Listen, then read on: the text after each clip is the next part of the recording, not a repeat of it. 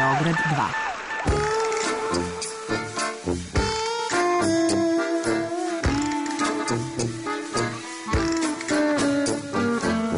To rekli su mi, gospodine, vi ste promašili temu. Pa ja sam onda promašio život. I ne znam šta će da bude sam. Kaže, ja ne mogu više te čuvam. Šta da ti radi, kaže, ra- stavit će kako znaš. Mi smo kao u kafesu. Za nas to je najmrtvo. To je mrtvo za nas. Naročito. Ja bih želela neko da me usvoji. Da bih želela. Govori da bih te video. Program dokumentarnog zvuka.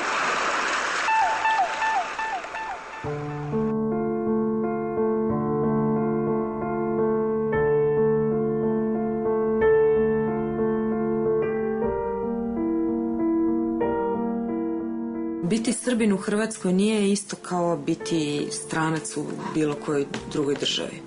Ovde to sa sobom nosi neku, neki teret, veliki teret nametnuti. Neku kolektivnu krivicu zapravo nametnutu koju i na, nažalost i mlade generacije moraju da nose, moraju da se bore s njom. Mlade generacije koje nisu ničim to zaslužile.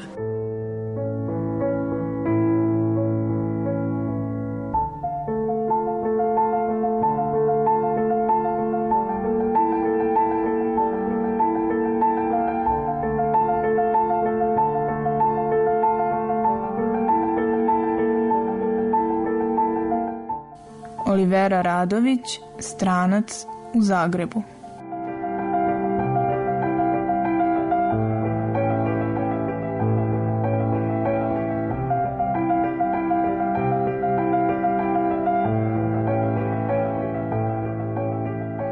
Dok sam živjela i studirala u Beogradu, e, bila sam član e, akademskog pozorišta Branko Krsmanović. Amaterski sam se bavila glumom i išli smo na brojne festivale, pored ostalih i u Zagreb. Meni se tad Zagreb mnogo dopao, oduševio me sam grad, svi ti ljudi koje smo upoznali, e, sličnih interesovanja naravno. E, oduševio me filozofski fakultet koji nudi mogućnost e, bavljenja i filmovim i pozorištem, što na studiju književnosti u Beogradu nismo imali priliku. Ali smo išli mi u brojne druge gradove na, na festivale. A, isto tako lepe, koji su nas isto tako oduševili i nudili isto tako brojne mogućnosti, ali sam ja u Zagrebu upoznala jednog dečka koga, koga sam a, mnogo zavolela, s kojim danas živim već nekoliko godina. I zapravo je to presudilo. Zapravo je to bilo presudno da se odluči na taj korak, da se preselim u Zagreb.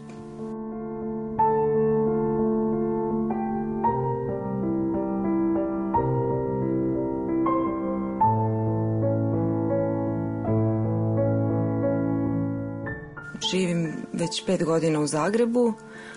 Tu radim kao prevodilac engleskog na srpski u jednoj firmi.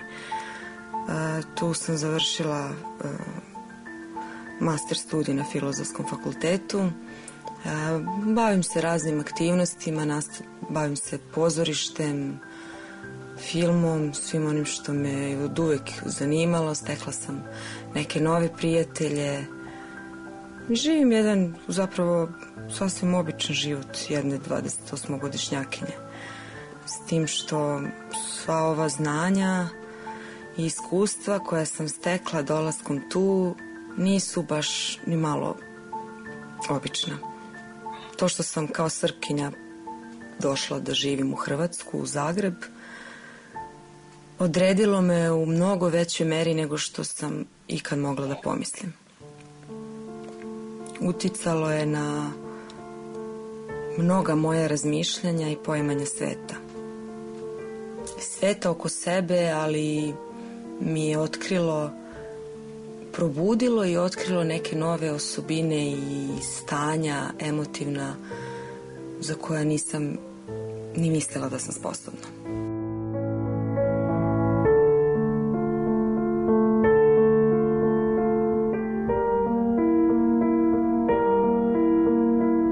Bila sam mnogo naivna kad sam, kad sam odlučila da dođem u Hrvatsku. To je najnepromišljenija stvar koju sam u životu uradila. I mislim da mi je to čak najveća greška u životu koju sam uradila. Nisam mislila da, da ću se baviti ovim stvarima kojima se sad bavim, odnosno da ću razmišljati o ovim stvarima kojima sad razmišljam. Mislila sam da smo, makar mi mlađi, oslobođeni te kolektivne krivice tog rata i svih tih ružnih stvari iz nove istorije. Ali, ne, u stvari nisam to mislila, lažem. Nisam o tome uopšte razmišljala, nije mi podrazumevalo mi se da je to prevaziđeno. Podrazumevalo mi se da smo svi nekako slobodni, da smo svi jednaki, da smo svi određeni onim opet kažem što radimo, mislimo i što govorimo, što jesmo, a ne nacijom koje pripadamo. Ali to se pokazalo pogrešnim, jer uh, nije tako, makar ne danas u Hrvatskoj. Niste bilo kakav stranac.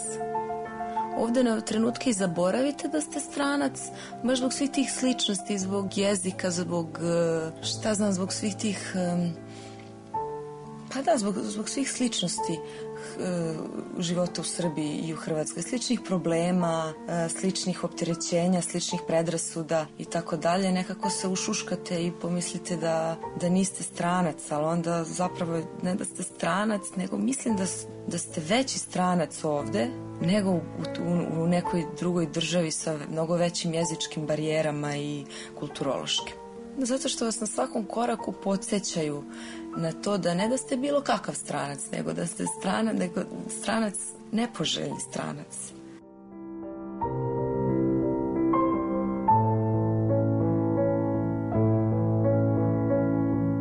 Toliko sam s faza, toliko različitih stanja prošla, da prvo od upoznavanja nekih istorijskih činjenica koje nisam imala pojma, pa onda zgražavanje nad tim, pa osjećaj krivice, stida, pa onda e, osuda, tako, toliko različitih stanja. Prvo dok, dok, dok, dok svu tu novu i našu istoriju poznaš, onda se zgražavaš, onda se nad tim e, čudiš kako je moguće, onda te sramota što i tvoj narod uradio mnogo ružnih stvari, a onda shvatiš, čekaj malo, pa što se samo preuveličava to ružno što je moj narod uradio i vi ste radili svašta, pa onda dok kreneš to da meriš, onda shvatiš da si postao sitna duša što to meriš. Onda shvatiš da nemaš blage veze o tome, da ne možeš da izmeriš. To shvatiš na kraju. Pa ti žao, pa se stidiš što si uopšte merio, pa onda opet kreneš da meriš jer onda opet uvidiš da neko drugi preuveličava ili ne znam, tuđe neke grehe ili svoju, svoju žrtvu preuveličava ili tako nešto i onda tako shvatiš da si da si se našao u nekoj da, da sve to ide u nedogled i da tako iz dana u dan svakim novim jutrom iz početka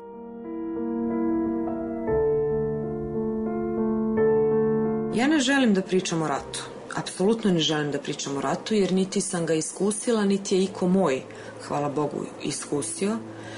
I ne znam ništa o tome i mislim da, da niko ne može da zna sa pouzdano, sa sigurnošću, e, da ne može da dokuči sve, sva ta dešavanja koje su tad bila.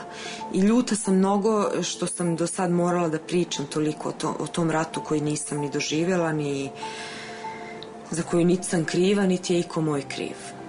A mnogo sam pričala o njemu. I mnogo sam ga analizirala. I mnogo sam ljuta što sam toliko vremena izgubila i toliko snage i energije na, na analiziranje nečeg tako ružnog. I naravno da treba da se znaju i uzroci i da se utvrde i odgovornosti i naravno da, da, da, da sve to neko treba da, da utvrdi, ali to nije moj posao. A kad sam tu stigla, nekako je bilo normalno da kad god nekog novog upoznam, da se odmah e, odredim u odnosu na taj rat. Da odmah neki svoj stav iskaže. Čak i kad ja to sama nisam inicirala, drugi su mi to nekako nametali, nekako onako suptilno su tu temu postavljali. I, i, i umorna sam od ponavljanja, od ponavljanja da tih svih fraza da da mali čovek ništa nije kriv, da su to sve političari, da su sve to ovi, da su sve to oni. To je toko jadno više i I dan danas se nađem u situaciji kada upoznam nekog novog, pa kad taj neko ovde e, čuje odakle sam i šta sam, da, da ne znam, dotakne se te teme i da onda se od mene očekuje da se ogradim od svega što se dešavalo. A ja ne, a, a, a od čega bi se ja ograđivala zapravo? ne, nekako, naravno da ne, ne, ne treba, ne treba zatvarati oči pred tim stvarima treba o tome otvoreno govoriti, treba, treba biti svesna šta se dešava, treba, treba reći šta se tu dešavalo, šta je bio taj rat, ko, kako, zašto, sve, sve to treba, ali u čemu je problem? Problem je u tome što se od mene očekuje da se pravdam, da se opravdavam. I problem je u tome što ja imam potrebu da se opravdavam u stvari, a nemam zašto. Eto, da to me toliko umorilo. I, i dok smo upoznavali uh, Hrvo i ja, dok smo upoznavali on moju familiju i ja njegovu, sve te silne ljude i sve dok smo obišli, dok smo popričali, upoznali se s njima, nigde nije izostala tema rata. I strašno mi je, ne, eto, eto, to je jedna od stvari koja mi je E, najgora kao, kao srpkinju u Hrvatskoj, ne srpkinju koja je došla iz Srbije zapravo u Hrvatskoj, to mi je to najgore. Što moram da pričam o ratu. Što moram da mislim o ratu i da analiziram rat i da se ograđujem od rata i da e, možda nekog i krivim svesno ili nesvesno, da nekog opravdavam. Eto. I sad je to zapravo besmisleno što sam ja rekla, jer e, to nikakav problem nije. Mislim, strašno je kad neko izgubi nekog u, u ratu i kad neko... Uh, mnogo je tragičnih sudbina uh, ratnih. I ja se sad osjećam krivom što sam uopšte se požalila na to što ja moram da bogati mislim i raspravljam s nekim o tom istom ratu. I, i to tako ide u krug. I, i eto, to je iskustvo e, života u Hrvatskoj. Konstantno preispitivanje i analiziranje i krivica i bes zbog krivice koja je nametnuta i tako sve u krug.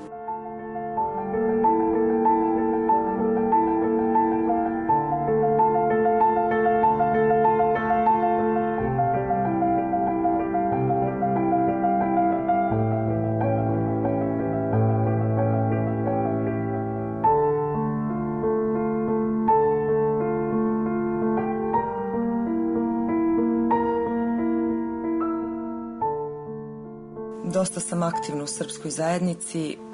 Zapravo od samih početaka kad sam se tu doselila imala sam neku želju da se uključim u sve te aktivnosti, u taj život srpske zajednice u Hrvatskoj.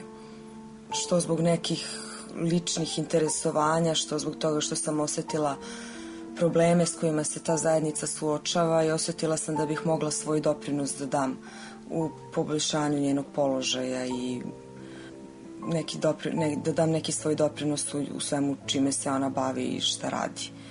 E, počela sam tako što sam se priključila Srpskom privrednom društvu Privrednik, humanitarnom društvu koje eto, više od jednog veka s prekidima postoji i bavi se stipendiranjem učenika i studenta. Osnovni cilj Srpskog privrednog društva Privrednik je da e, pomogne, odnosno da omogući školovanje e, mladim ljudima iz nerazvijenih krajeva, ruralnih krajeva Hrvatske koje su većinom bila zahvaćena ratom i da na taj način eto i osnaži srpsku zajednicu u Hrvatskoj.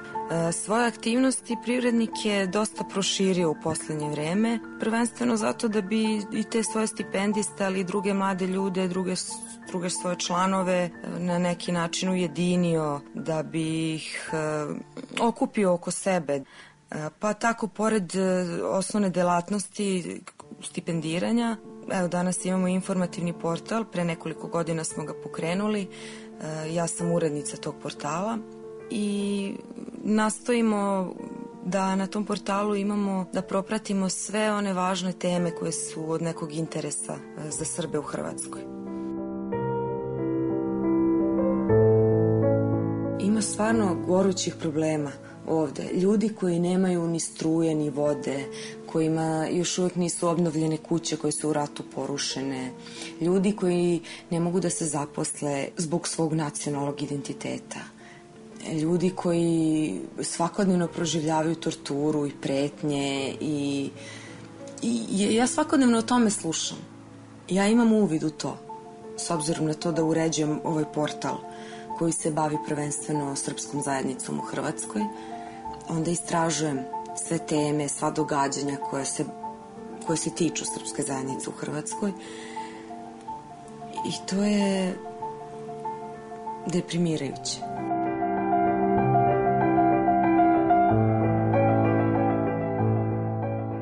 Teško je kad promeniš tu poziciju, e, kad, kad si u poziciji većine, nisi toliko osetljiv za probleme manjine. I čak i da si ih svestan, ne doživljavaš ih, ne, nemaš, nisi baš empatičan. A onda kad se odjednom probudiš kao manjina, e, onda si hipersenzitivan. onda ti sve smeta i onda na sve si osetljiv. Sve ovo mi je novo i bilo i nepoznato i strano, ali sad kad sam se srela sa svim tim, stvarno mislim da je nemoralno da odem odavde i da ostavim sve te ljude ne mislim da im ja nešto preterano pomažem. Ne mislim da mi ja uopšte na bilo koji način pomažem. Koliko god da bi volela da im pomognem. Ali nekako nemam obraza da odem sad odavde.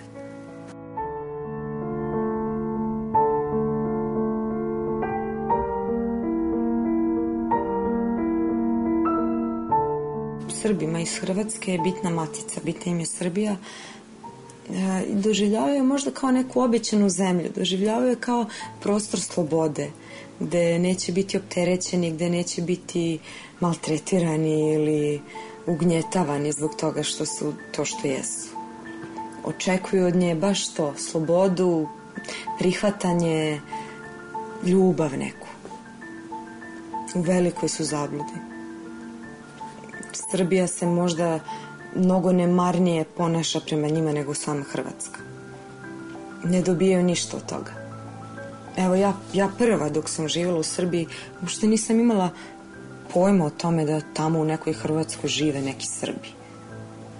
I da mi je neko to rekao, ja bi mislila pa dobro, pa nisam imala svest o tome. Mislim, sigurna sam zapravo da danas ljudi u Srbiji isto tako nemaju pojma o tome da u Hrvatskoj ima toliko Srba i da se susreću s takvim problemima. A susreću se sa ozbiljnim problemima.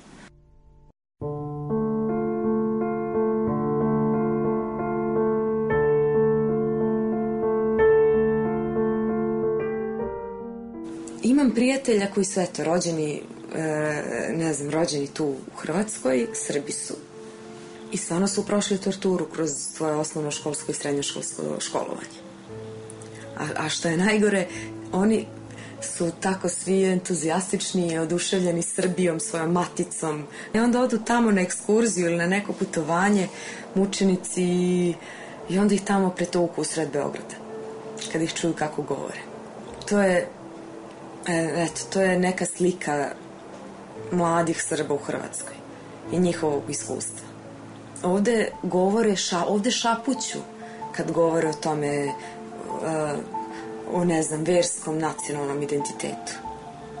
Ali baš šapuću. Ja sam sebe zatekla isto da šapućem. U kafiću, na ulici, u tramvaju.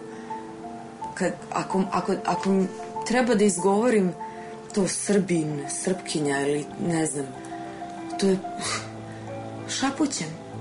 Sasvim spontano i neplanirano, sam zatekla sebe da to govorim kroz šapat. I sad sam zatekla sebe da e, kad čitam neku knjigu u tramvaju, ranije, na primjer, Da me neko pita je li ta knjiga napisana latinicom ili ćirilicom, ne bi znala da kažem. A sad vodim računa o tome, iako je, na primjer, ćirilicom, ja je sakrijem, ne otvorim je u tramvaju. Pa i kad je latinicom, a isto vodim računa koji je autor. Možda nepotrebno, niko ne, verovatno niko ne bi obratio pažnju, ali meni to nekako... To su ti tereti i ta opterećenja koja su nametnuta.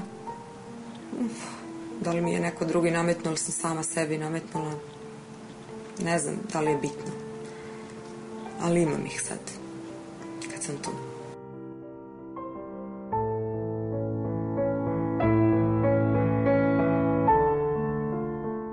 Ne samo Srbi u Hrvatskoj da se boje da priznaju ko su šta su i da, da, da prikrivaju, zatrpavaju taj svoj identitet i da pretvaraju se da su neko, neko drugi.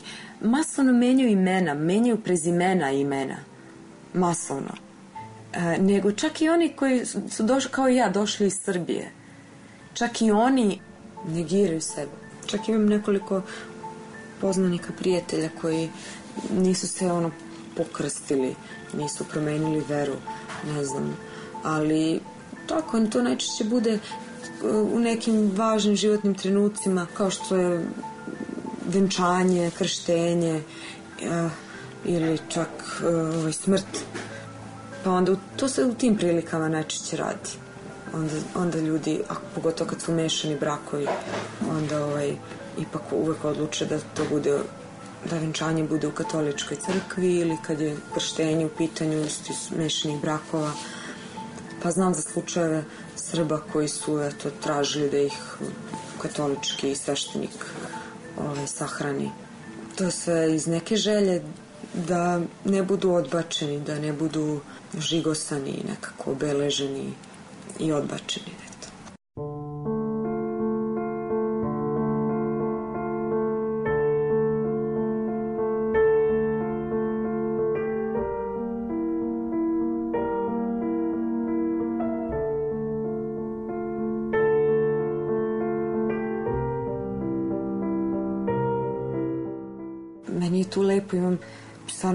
Prijatelja, imam dečka tu, imam, tu sam pustila sad već i korenje, ni, mnogo više prijatelja sad tu imam nego što sam imala u Srbiji, već su me tamo ljudi zaboravili niti se javljamo jedni drugima i, i onda to je i normalna stvar, uspostavljaš neke nove veze, neka nova poznanstva.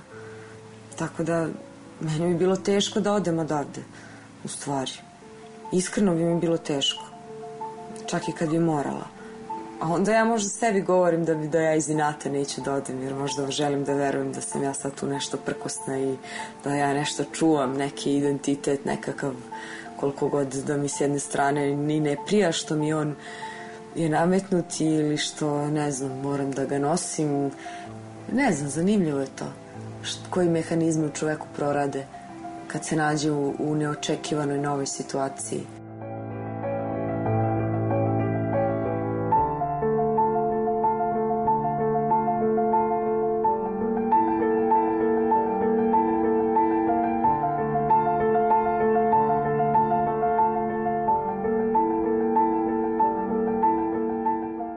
Ja koja sam došla iz Srbije ovde, e, naravno prošla sam taj šok i prošla sam e, razne faze suočavanja sa, sa tom stvarnošću takvom kakva je, ali izbegavam i mislim da nije u redu, nije pošteno da naglašavam tu težinu suočavanja sa, sa, sa, sa svim tim problemima, zato što gledajući, gledajući Srbi iz Hrvatske koji su tu rođeni, koji su tu već više vekova, koji ne znaju za drugi zavičaj već, koji, koji, to je njihova domovina. E, gledajući njih, na koji način oni funkcionišu, e, jednostavno mi nije pošteno da se na bilo šta žalim. Jesam, pre, jeste preživala šok i jesam, jeste mi sve to bilo novo i teško i naravno, ali nemam prava da se žalim. Jer ti ljudi od rođenja e, su izloženi i diskriminaciji i raznim, raznim drugim problemima. Trudim se i da, se, i da sebe ubedim u to da mi nismo u istom položaju, da sebi to objasnim i, i da, da, da zapravo izbjegavam da poredim na, na, naš položaj uopšte, jer se mnogo razlikuje. Ako ništa drugo, ja u, u glavi imam tu svest da, da ja uvek imam gde da odem. Da ja uvek, ne daj Bože, imam gde da se vratim. Ili ne, ne daj Bože, nego ako poželim da mogu da se vratim negde. A oni, ovde je njihova jedina kuća.